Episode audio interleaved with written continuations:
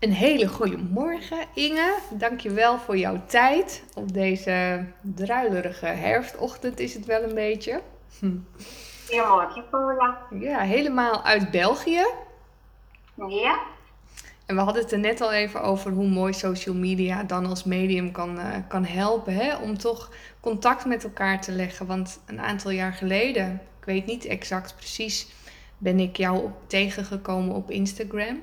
En uh, oh, ja. ik, ik, volg jou al een hele tijd.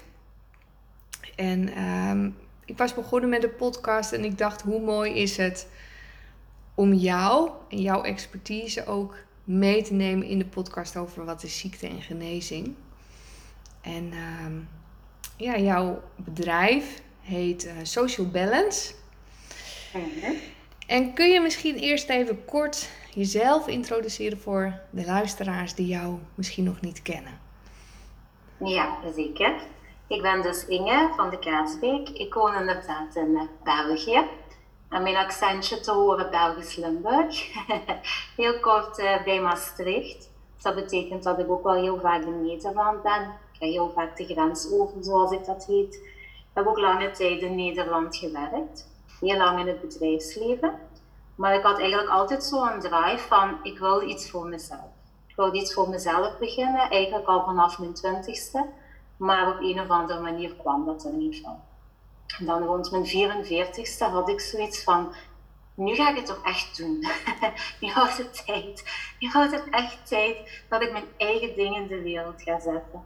En dan was de vraag, ja, wat ga ik doen? En dan uh, ben ik eigenlijk begonnen met het... Uh, opleiding geven van social media. Daar ben ik in eerste instantie mee gestart. Dus ondernemers begeleiden bij eh, Facebook, bij Instagram en dan voornamelijk solo-ondernemers. En dan vrij snel kwam ik erachter van, ja, als ik die ondernemers begeleid en we hebben het over, we gaan eens een YouTube-filmpje opnemen of een foto van jezelf plaatsen, dan kreeg ik heel vaak de feedback van, oh nee, dat durf ik niet en oh nee, en ze hoeven mij niet te zien. En met andere woorden, zichtbaarheid was voor vele van die ondernemers een, uitdaging. Dan ging ik onderzoeken van ja, waar komt dat nu van? Hoe komt dat nu dat er zoveel ondernemers zijn die er moeite mee hebben om zichzelf steekbaar te maken? En dan heb ik bij die social media begeleiding iets aan, bij aangeschakeld en dat was coaching. Ik dacht oké, ik ga de ondernemers helpen, begeleiden, coachen met zichtbaarheid. Oké, volgende stap toen kwam ik erachter van, oei, die coaching, dat is allemaal goed en wel, maar dat helpt maar voor een klein stukje. Er is meer nodig. En dan dacht ik, ja, er is effectief meer nodig. We hebben iets diepers, iets diepgaanders nodig. En dan ben ik heel erg bij mezelf terechtgekomen, bij mijn eigen proces. Kwam ik erachter van, oei Inge, bij jouzelf is er ook wel iets diepgaanders nodig.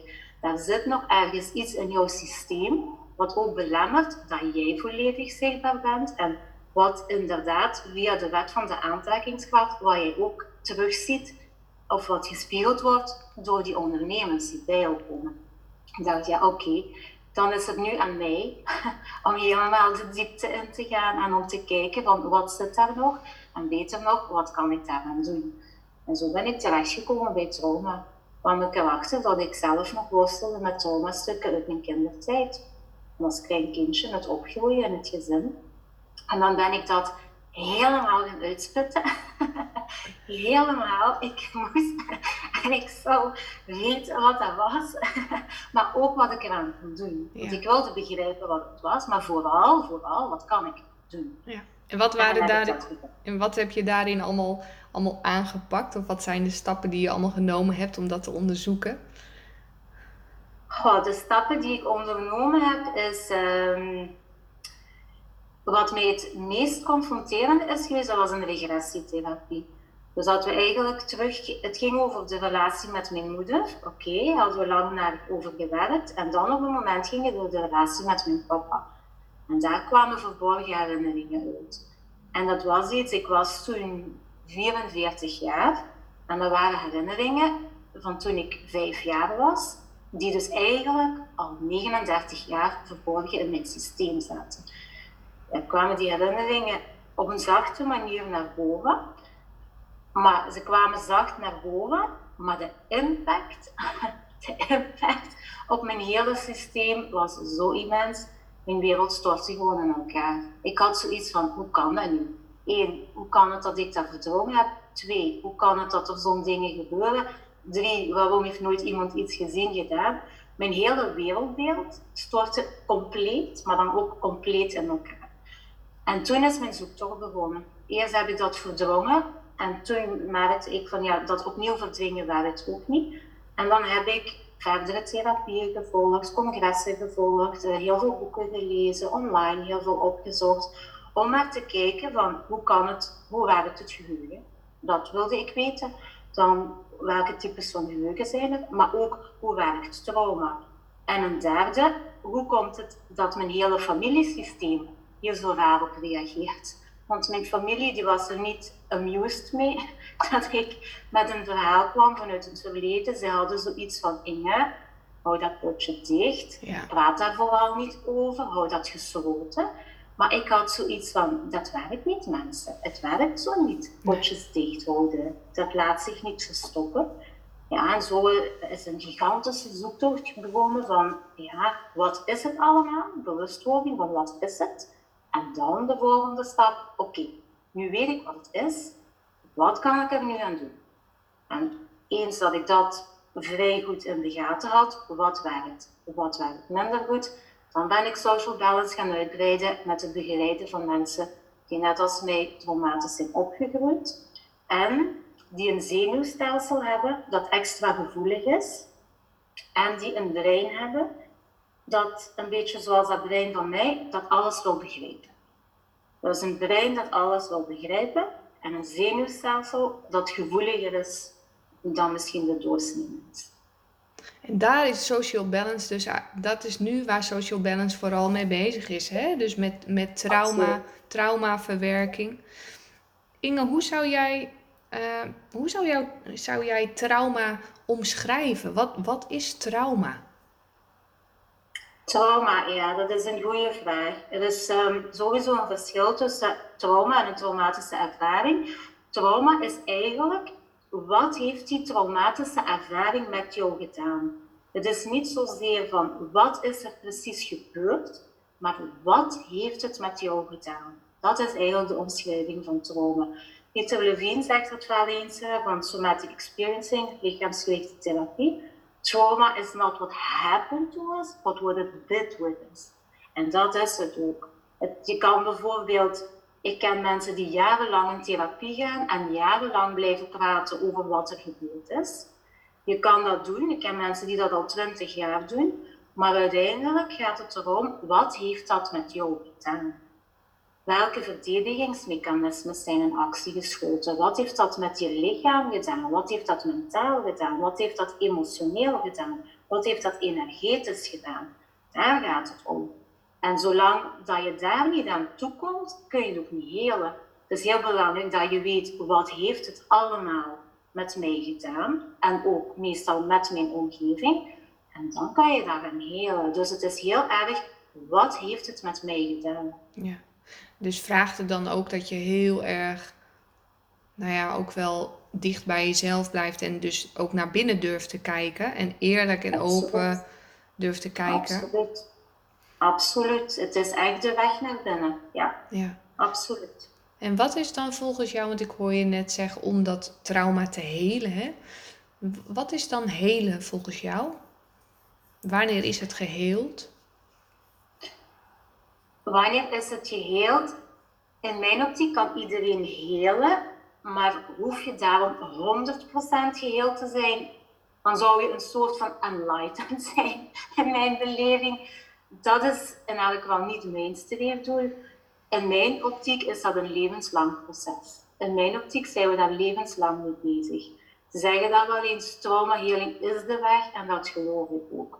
Maar je ziet dat je daar kleine stapjes voorwaarts in kan maken. En hoe merk je? Hoe merk je dat je aan het hele bent? Eén, je krijgt meer energie. Je hebt minder fysieke klachten. Je hebt minder mentale klachten. De verhoudingen met andere mensen gaan verbeteren. Je bent vaak veel minder reactief. Dus al die factoren maken dat je jezelf veel meer rol noemt als een mooi mens ja. dat er mag zijn. En dan ben je helemaal op goede weg. Dat, dat, dat, dat merk je dan aan alles. Aan alles. Je zal dat, vaak, je zal dat vast herkennen, ja. ik zeg. Ja. je merkt dat aan alles. Ja. Ja, ik zie het altijd als een, als een innerlijke rust. Dus dat je ja, steeds rustiger kunt zijn met alles wat er is. In plaats van ja, reactief mee te gaan of uh, inderdaad je energie constant te verliezen. Wat ik ook heel interessant vond bij jou om te lezen, dat was, ik had natuurlijk uh, een aantal dingetjes opgezocht. Uh, en er stond op een gegeven moment um, een stukje over een link tussen dysfunctioneel opgroeien en fysieke ziektes. Dat daar een link tussen is. Ja. Dus hoe, hoe zie je dat? Ik, daar ben ik natuurlijk heel erg in geïnteresseerd vanuit uh, het oogpunt MS. En die zag ik er ook tussen staan bij het woordje trauma body. Dus ja, de, dat is misschien. Ik zit alweer een beetje uit te breiden. Maar even om te starten met de vraag: wat is dan de link tussen dysfunctioneel opgroeien en fysieke ziektes volgens jou? Ja, wie dat mijn leermeester is geweest, als Gabor Maté. Ik weet niet of je hem kent. Gabor Maté dus heeft het boek geschreven When the Body Says No. Ja. Gabor die heeft heel lang een, uh, een huisartsenpraktijk gehad.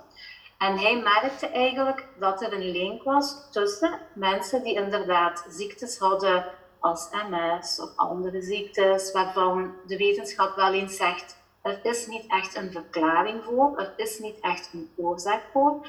Hij zag op een gegeven moment dat er wel patronen waren. Dus waar kwam hij achter? Van die mensen met die zogezegde moeilijke ziekte, onverklaarbare ziekte, die zijn heel vaak opgegroeid in een gezin waarin er ofwel emotionele onbeschikbaarheid was van de ouders, verslavingsgedrag bij de ouders. En wat hij zag is dat die mensen dan heel vaak als kindje heel veel moeite hadden met nee Daarom dat het boek heet When the Body Says No. Dus die kindjes die gingen op een bepaald moment zich aanpassen. Dat is ook een traumarespons, het please-gedrag. Helemaal aanpassen, zodat de ander me toch maar graag ziet. Maar wat doet dat? Dat zorgt voor heel veel stress in het lichaam. Dat zorgt voor chronische stress, kan toxische stress geven, waardoor het lichaam het effectief kan laten afweten. Dus met andere woorden, kindjes die eigenlijk altijd maar ja zeggen tegen iedereen, maar nee tegen zichzelf. Ik zeg dat ook vaak aan de mensen die ik begeleid. Als je ja zegt tegen een ander, let dan heel goed op dat je niet nee zegt tegen jezelf. Want op een gegeven moment gaat het lichaam nee zeggen. Ja. Als jij altijd maar ja zegt, dan op een gegeven moment zegt jouw lichaam van nu is het genoeg geweest. Wanneer ga je nu eens luisteren? Wanneer ga je nu eens eindelijk heel, heel goed voor jezelf zorgen? Maar die kindjes die dysfunctioneel zijn opgegroeid, die hebben vaak niet geleerd of afgeleerd om goed voor zichzelf te zorgen, weet je. Die zijn vaak in moeilijke omstandigheden opgegroeid en ja, die zitten vaak al heel lang in een dynamiek van de ander pleasen, zichzelf wegcijferen voor de ander. En dan komt het erop aan die dynamiek te herkennen en echt vol voor jezelf te kiezen. Dat is, en dat heeft niks met egoïsme te maken, dat heeft alles te maken met, met heel, heel, heel, heel super goed voor jezelf te zorgen, zodat je vervolgens ook goed kan zorgen voor je partner, voor je kinderen, voor de mensen om je heen. Maar het begint altijd bij jezelf. Het begint bij jezelf. Verhaal van zuurstofmasker in het vliegtuig. Ja. Het eerste eigen zuurstofmasker op. Ja. En dus dan zou, je, dan zou je kunnen zeggen dat wanneer je beter naar je eigen behoeften gaat luisteren, uh, nee gaat zeggen, vaker ja tegen jezelf zegt, zou je dan kunnen zeggen, nee, dat is wat jij eigenlijk in het begin zei, dan krijg je dus ook waarschijnlijk meer energie. Absoluut, absoluut. Je energieveld verandert. Dat is als je het holistisch bekijkt, je energieveld, maar je gedachten gaan veranderen, het mentale stuk. Je gaat je beter voelen, het emotionele stuk. Je lichaam gaat letterlijk meer energie hebben. En je gaat waarschijnlijk ook meer openstaan voor spiritual practice. En dan heb je de vijf componenten: mentaal, emotioneel, lichamelijk, energetisch, spiritueel. Ja. ja. Dat is jou, hè? Dat is ook echt wat jij zegt. Van ik, ik heb een, vond ik wel mooi die zin. Holistische begeleiding voor intense denkers, sensitieve zielen en free spirits. ja. ja super mooi. Hoe zou je dan, zou je, ja, ik vind dat altijd wel een lastig vlak hoor, maar hoe zou jij dan ziekte beschrijven? Is dat dan um, altijd afkomstig van wat jij zegt, uh, dysfunctioneel opgroeien? Of zit daar een verschil in? Hoe zie je dat? Ja, weet je, ik had het daarnet over Gabor Maté. En uh, Gabor is daar heel zwart-wit. En hij zegt dan vaak bijvoorbeeld ook over verslavingsgedrag. Verslavingsgedrag of eetstoornissen, als we dat uitbreiden, komt altijd van dysfunctioneel opgroeien. En daar ben ik het niet mee eens. In mijn optiek is de wereld niet zwart-wit. Er zijn zoveel componenten, wat blijkt uit heel veel studies en wat ik ook zie bij de mensen die ik begeleid bij mezelf, is dat dysfunctioneel opgroeien een belangrijke component is om op latere leeftijd, het zij fysiek eh, of het zij mentaal, een uitdaging te krijgen. Maar er is ook zoiets als genetische factoren en er is ook zoiets als de aard van iemand. En dat is waar ik ja, wat, ik soms wel eens moeilijk vind in deze wereld met expertises. De ene kijkt bijvoorbeeld puur naar trauma. Bijvoorbeeld Gabo Maté, Bessel van der Poel, Pieter Levine. Die kijken heel erg naar trauma, het opgroeien. Maar wat ik dan mis, is de component de aard van iemand. Want de ene persoon wordt toch echt wel gevoeliger geboren dan de andere. Daar kunnen we niet omheen. En wat ben ik dan gaan doen? Ja, gaan kijken um, in communities van trauma. Wie houdt er nu rekening met mensen die bijvoorbeeld hoogsensitief zijn, die zich herkennen in hoogbegaafdheid? Hoe verhoudt zich dat? Ja, ik ben naar Bessel van der Kolk geweest vorig jaar in Utrecht. Ik heb hem geïnterviewd. Ik zeg, Bessel, can you give me answers? Ja. Want Bessel maakt heel veel studies over het brein. Wat doet het wat doet trauma, traumatisch opgroeien met het brein? Dus ik zeg, Bessel, er zijn mensen die worden geboren met een brein dat al iets anders functioneert. Hoe verhoudt zich dan dat? Een brein dat al iets anders functioneert van bij geboorte en zo'n kindje groeit traumatisch op. That's a very good question. Oké, dus dat gaat hij nog onderzoeken? Ja, met andere woorden, zo ver zaten ze nog niet. Dus zij, zij richten zich op trauma.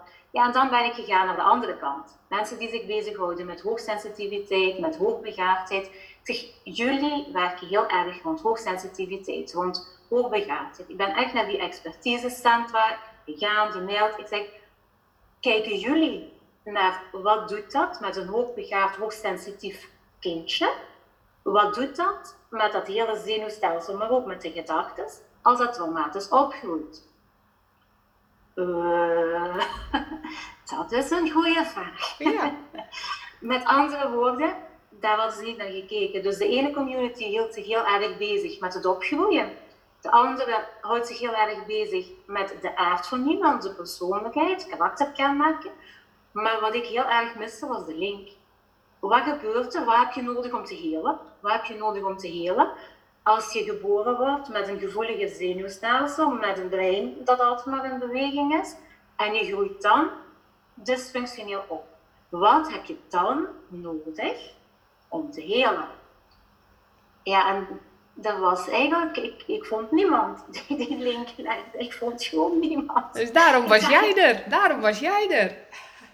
Ja, dat is duidelijk. Ja, dan doe ik het maar zelf, inderdaad. Ja, dus wat, wat heb je ontdekt wat er nodig is als je dus... Dus ik hoor je eigenlijk zeggen, hè, dus sommige mensen worden inderdaad hoogsensitief geboren of gevoeliger... of welk woord je er ook aan wil plakken... groeien dan op in een dysfunctioneel gezin of, nou ja, niet heel fijn.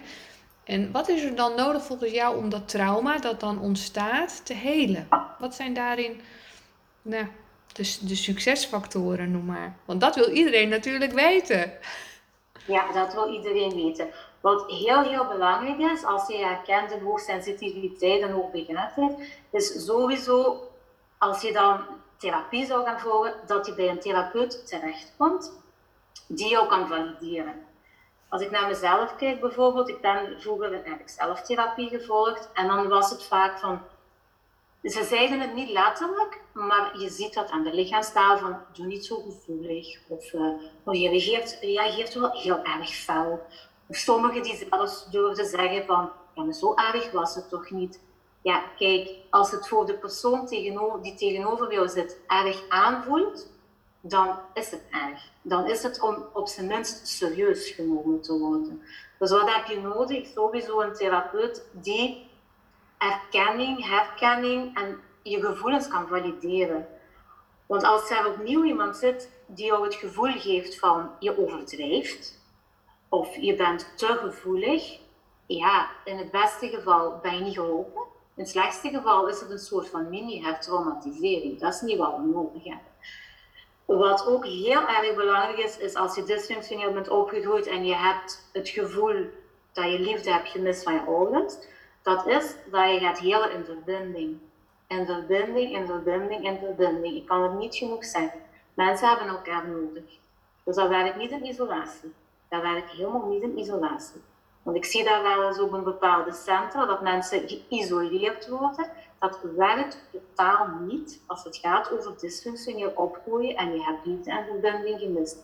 Je hebt eigenlijk altijd het tegenovergestelde nodig om te helen. Dus stel, je bent opgegroeid, je mist de verbinding. Hoe kan je dat helen?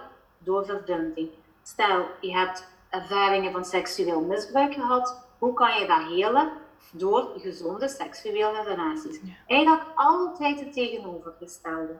Nu, wat is er vaak in het therapeutische landschap? Psychologen, psychiaters worden vaak opgeleid van we houden de professional distance. Heel vaak de professional distance. Ja, in mijn optiek werkt het. In elk geval, bij mij heeft dat nooit gewerkt en bij de mensen die ik begeleid, heeft dat ook nooit gewerkt. Die professional distance, dat is opnieuw, want er is geen verbinding. Dus nogmaals, die verbinding is zo belangrijk.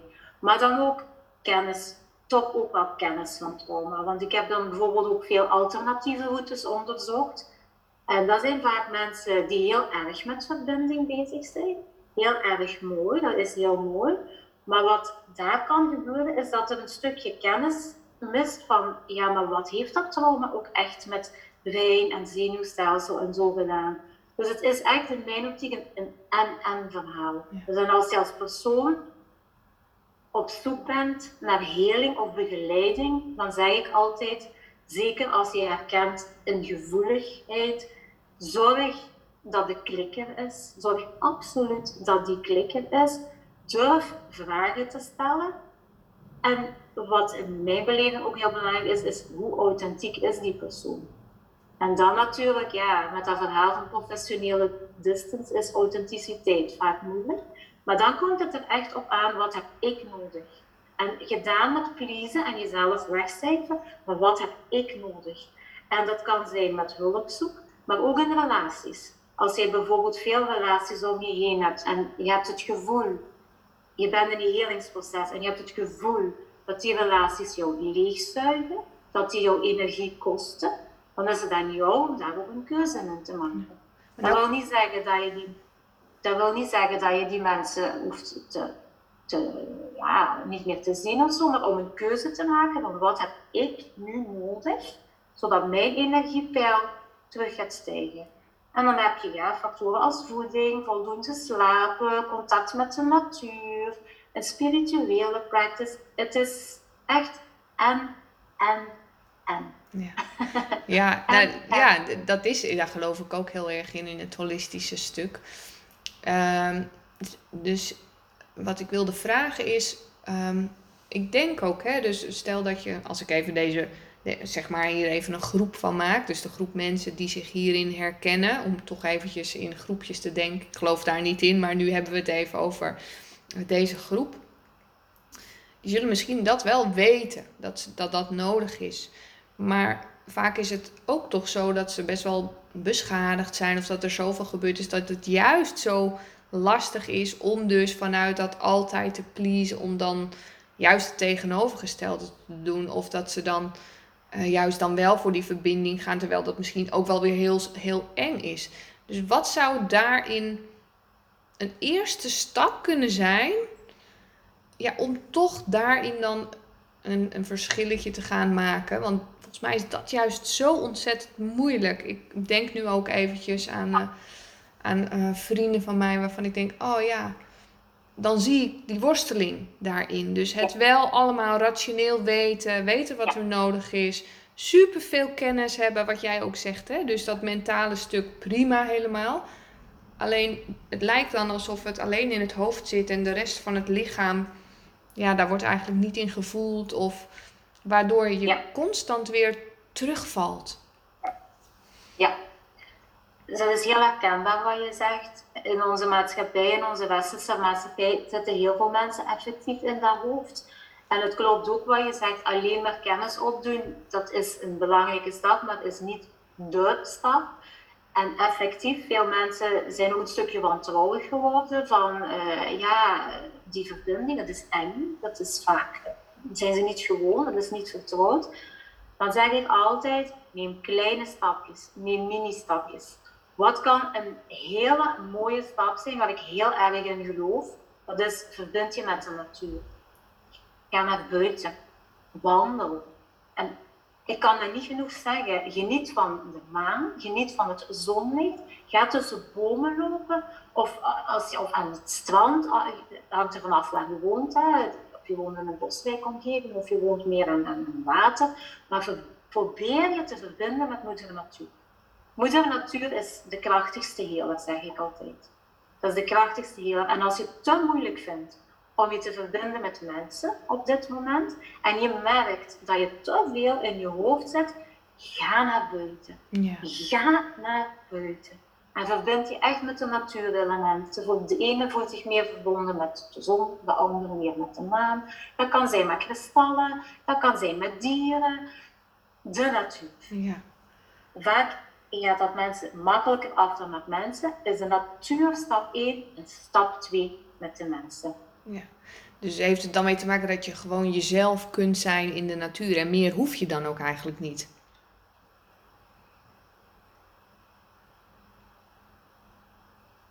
Simply being, ja. Ja. En dat is misschien wel een mooi linkje naar um, dat jij bent uh, begonnen in 2019 met het shamanisme om je daarin te verdiepen.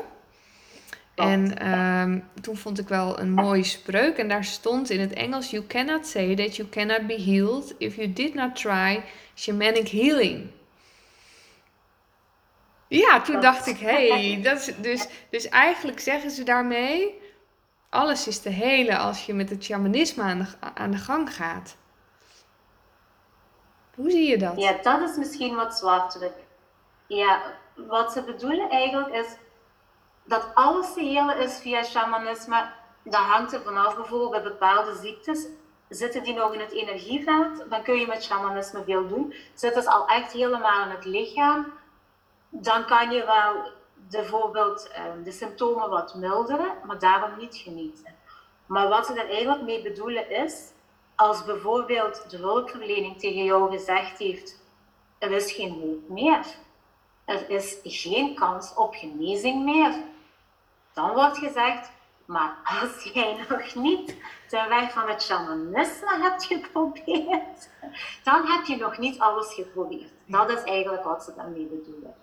En ik geloof dat heel sterk. Kijk, shamanen zijn al honderdduizend jaar bezig met trauma healing en ze bereiken goede resultaten. Dus dan heb ik zoiets van, ja, ze hebben de ervaring, ze hebben de kennis, en het resultaat is het. Hoe ja, zou meer je... bewijs heb ik dan ook niet nodig, weet je. Ja. Dus hoe... voor mijn eigen proces gebruik ik Hoe zou jij het shamanisme omschrijven?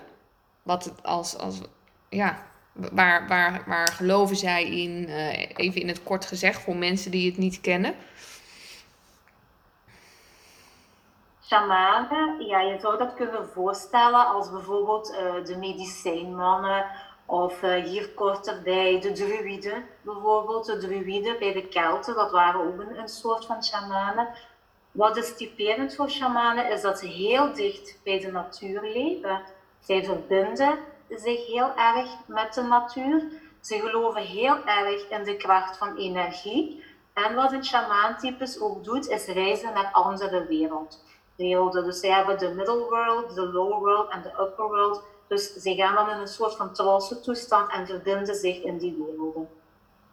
Maar het aller, allerbelangrijkste kenmerk voor mij is die verbinding met moeder natuur. wat ik altijd wel mooi vind, is dat het dan eigenlijk zo dichtbij is. Dus als jij zegt ook van de eerste stap om heling te vinden is in de natuur. En dat, dat, dat staat eigenlijk haaks op wat er nu gebeurt. Van, als je niet goed in je vel zit, dan ga je inderdaad eerst naar een dokter. Terwijl de natuur zo, zo dichtbij is. En uh, dat, dat vind Absoluut. Ja. Absoluut. Hoe kijk jij dan? En weet je, er zijn zoveel planten.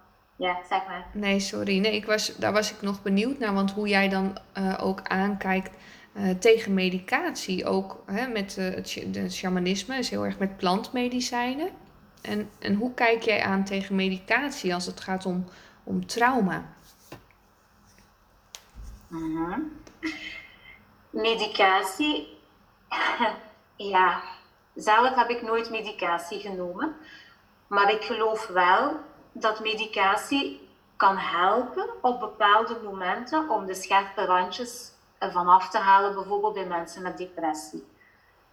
Anderzijds zijn er ook steeds meer bewijzen dat medicatie contra-indicatief kan werken. Er zijn bijvoorbeeld heel wat antidepressiva waarvan meer en meer bewijs komt dat ze zelfmoordneigingen aanwakkeren.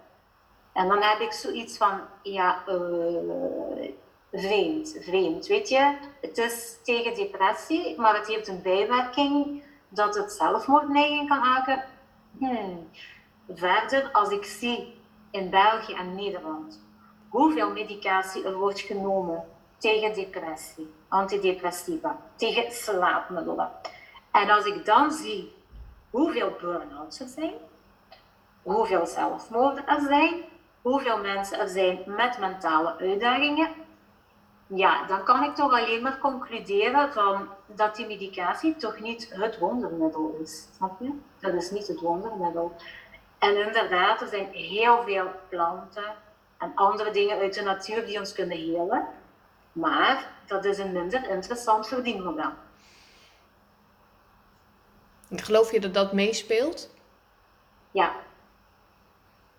Ik geloof dat dat meespeelt, ja. Ja. En wat als er dan, als er in plaats, nou het zou mooi zijn als het en-en mag, hè? Dat vind, zou ik zelf zo mooi vinden. Als je zelf een keuze hebt, als je dan ziek bent of ergens tegenaan loopt, van wat voor uh, route zou je willen kiezen. En nu heb je eigenlijk maar één kant die vergoed wordt, laat ik het dan zo zeggen. En als je de andere kant op wil, als we dan eventjes er twee kanten van maken, dan is dat heel vaak voor je eigen portemonnee. Of het is heel vaak heel, ook wel heel prijzig. Dus ja, daar, daar is nog echt wel heel veel. Als je het dan hebt over verbinding, zou dat zo mooi zijn als dat steeds meer verbonden wordt, hè? Ik kijk nog even wat ik had opgeschreven, Inge. Ik zou niet liever hebben, Paula, dat die twee werelden elkaar vinden. Ja. Ja. Hm. Ik zag nog bij jou staan waarin jij schreef: om trauma te helen moet je naar de oorzaak gaan. En wat je ook wel eens ziet in andere ja. kijken erop, is dat ze bijvoorbeeld zeggen: het verleden is het verleden. Je moet, uh, nou ja, volgens mij zag ik dat ook bij jou op een post staan, uh, waarin je ook die twee kanten tegen elkaar afwoog. Dat er staat van je moet gaan werken aan dankbaarheid en je moet nu gaan kijken naar positiviteit en je moet je focussen op wat er wel is.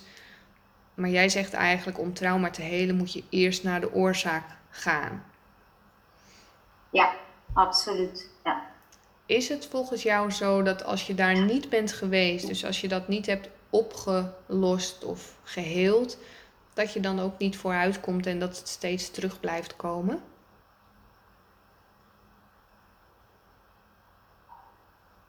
Helemaal. Trauma laat zich niet onderdrukken. Dat komt telkens weer terug. Dat komt telkens weer terug. En dat komt terug in fysieke ziekte, in mentale ziekte. kan zijn dat je persoonlijkheid erdoor wordt aangetast, maar het komt altijd terug. Altijd. Ja. Daar ben ik van overtuigd. In wat voor vorm dan ook. Ja. Dus je zult het altijd aan moeten gaan met jezelf. Ja. En dat wil niet zeggen dat je daarin hoeft te blijven hangen. Ik noem dat wel eens het traumaspookje. Je kijkt dat traumaspookje diep in de ogen, diep in de ogen.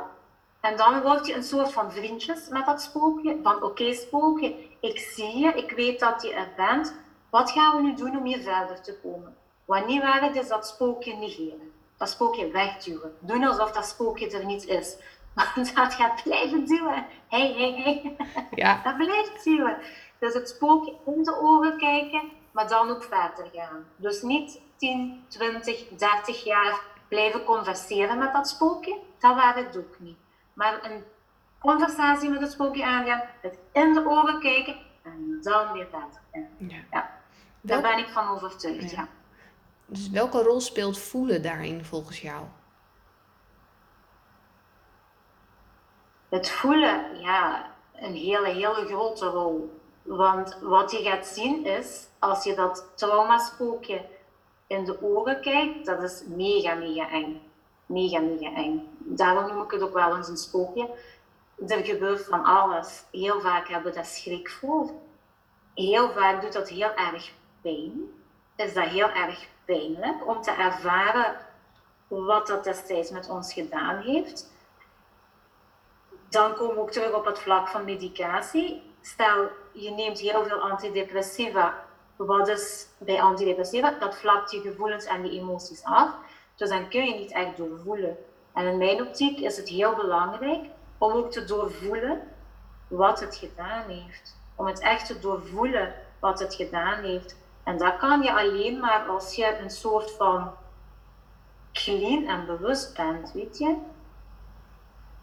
Dat is ook een van de redenen waarom ik die haat-liefdeverhouding heb met medicijnen. Je kan niet een conversatie met dat spookje aangaan en je gevoelens helemaal doorvoelen als je te veel, te veel medicatie bent aan het nemen.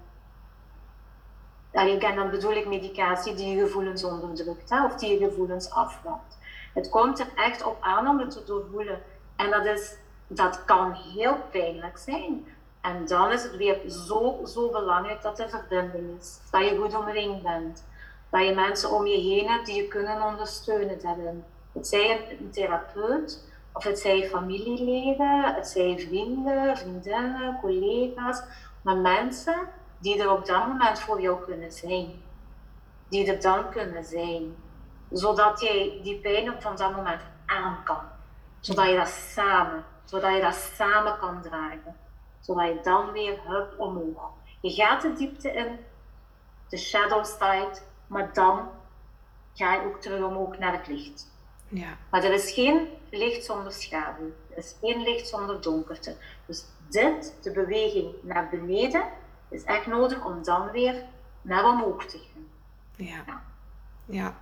ja mooi. Zo, ik, ik stel deze vraag ook omdat ik, ehm, nou ja, wat ik net uh, zei, dat er ook vaak geschreven wordt over um, hè, positief denken. Ehm, je leeft je eigen leven, je maakt je eigen leven. Dus eigenlijk meer dat hele mentale stuk.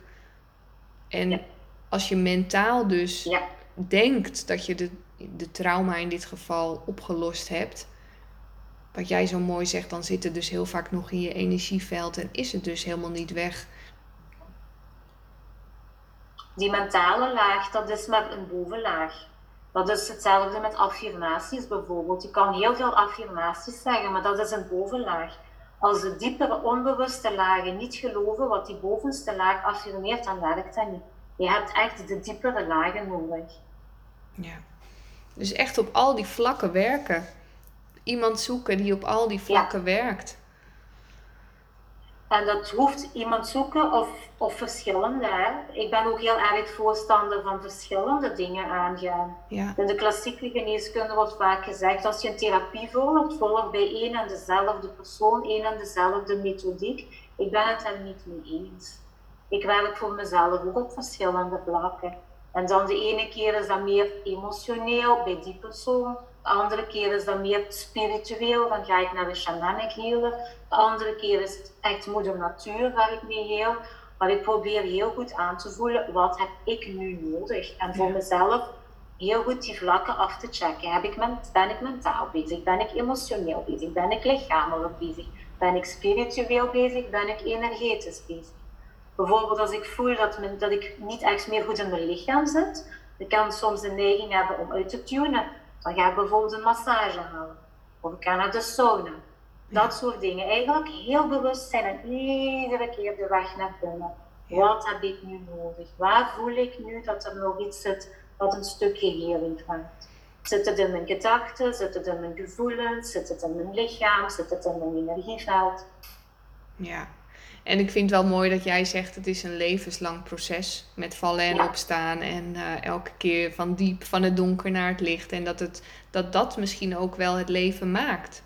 Hè? Dus, ja. Als laatste vraag, Inge, je bent bezig met een boek en de titel vind, ik, vind ik zo mooi. Er is niets mis met jou.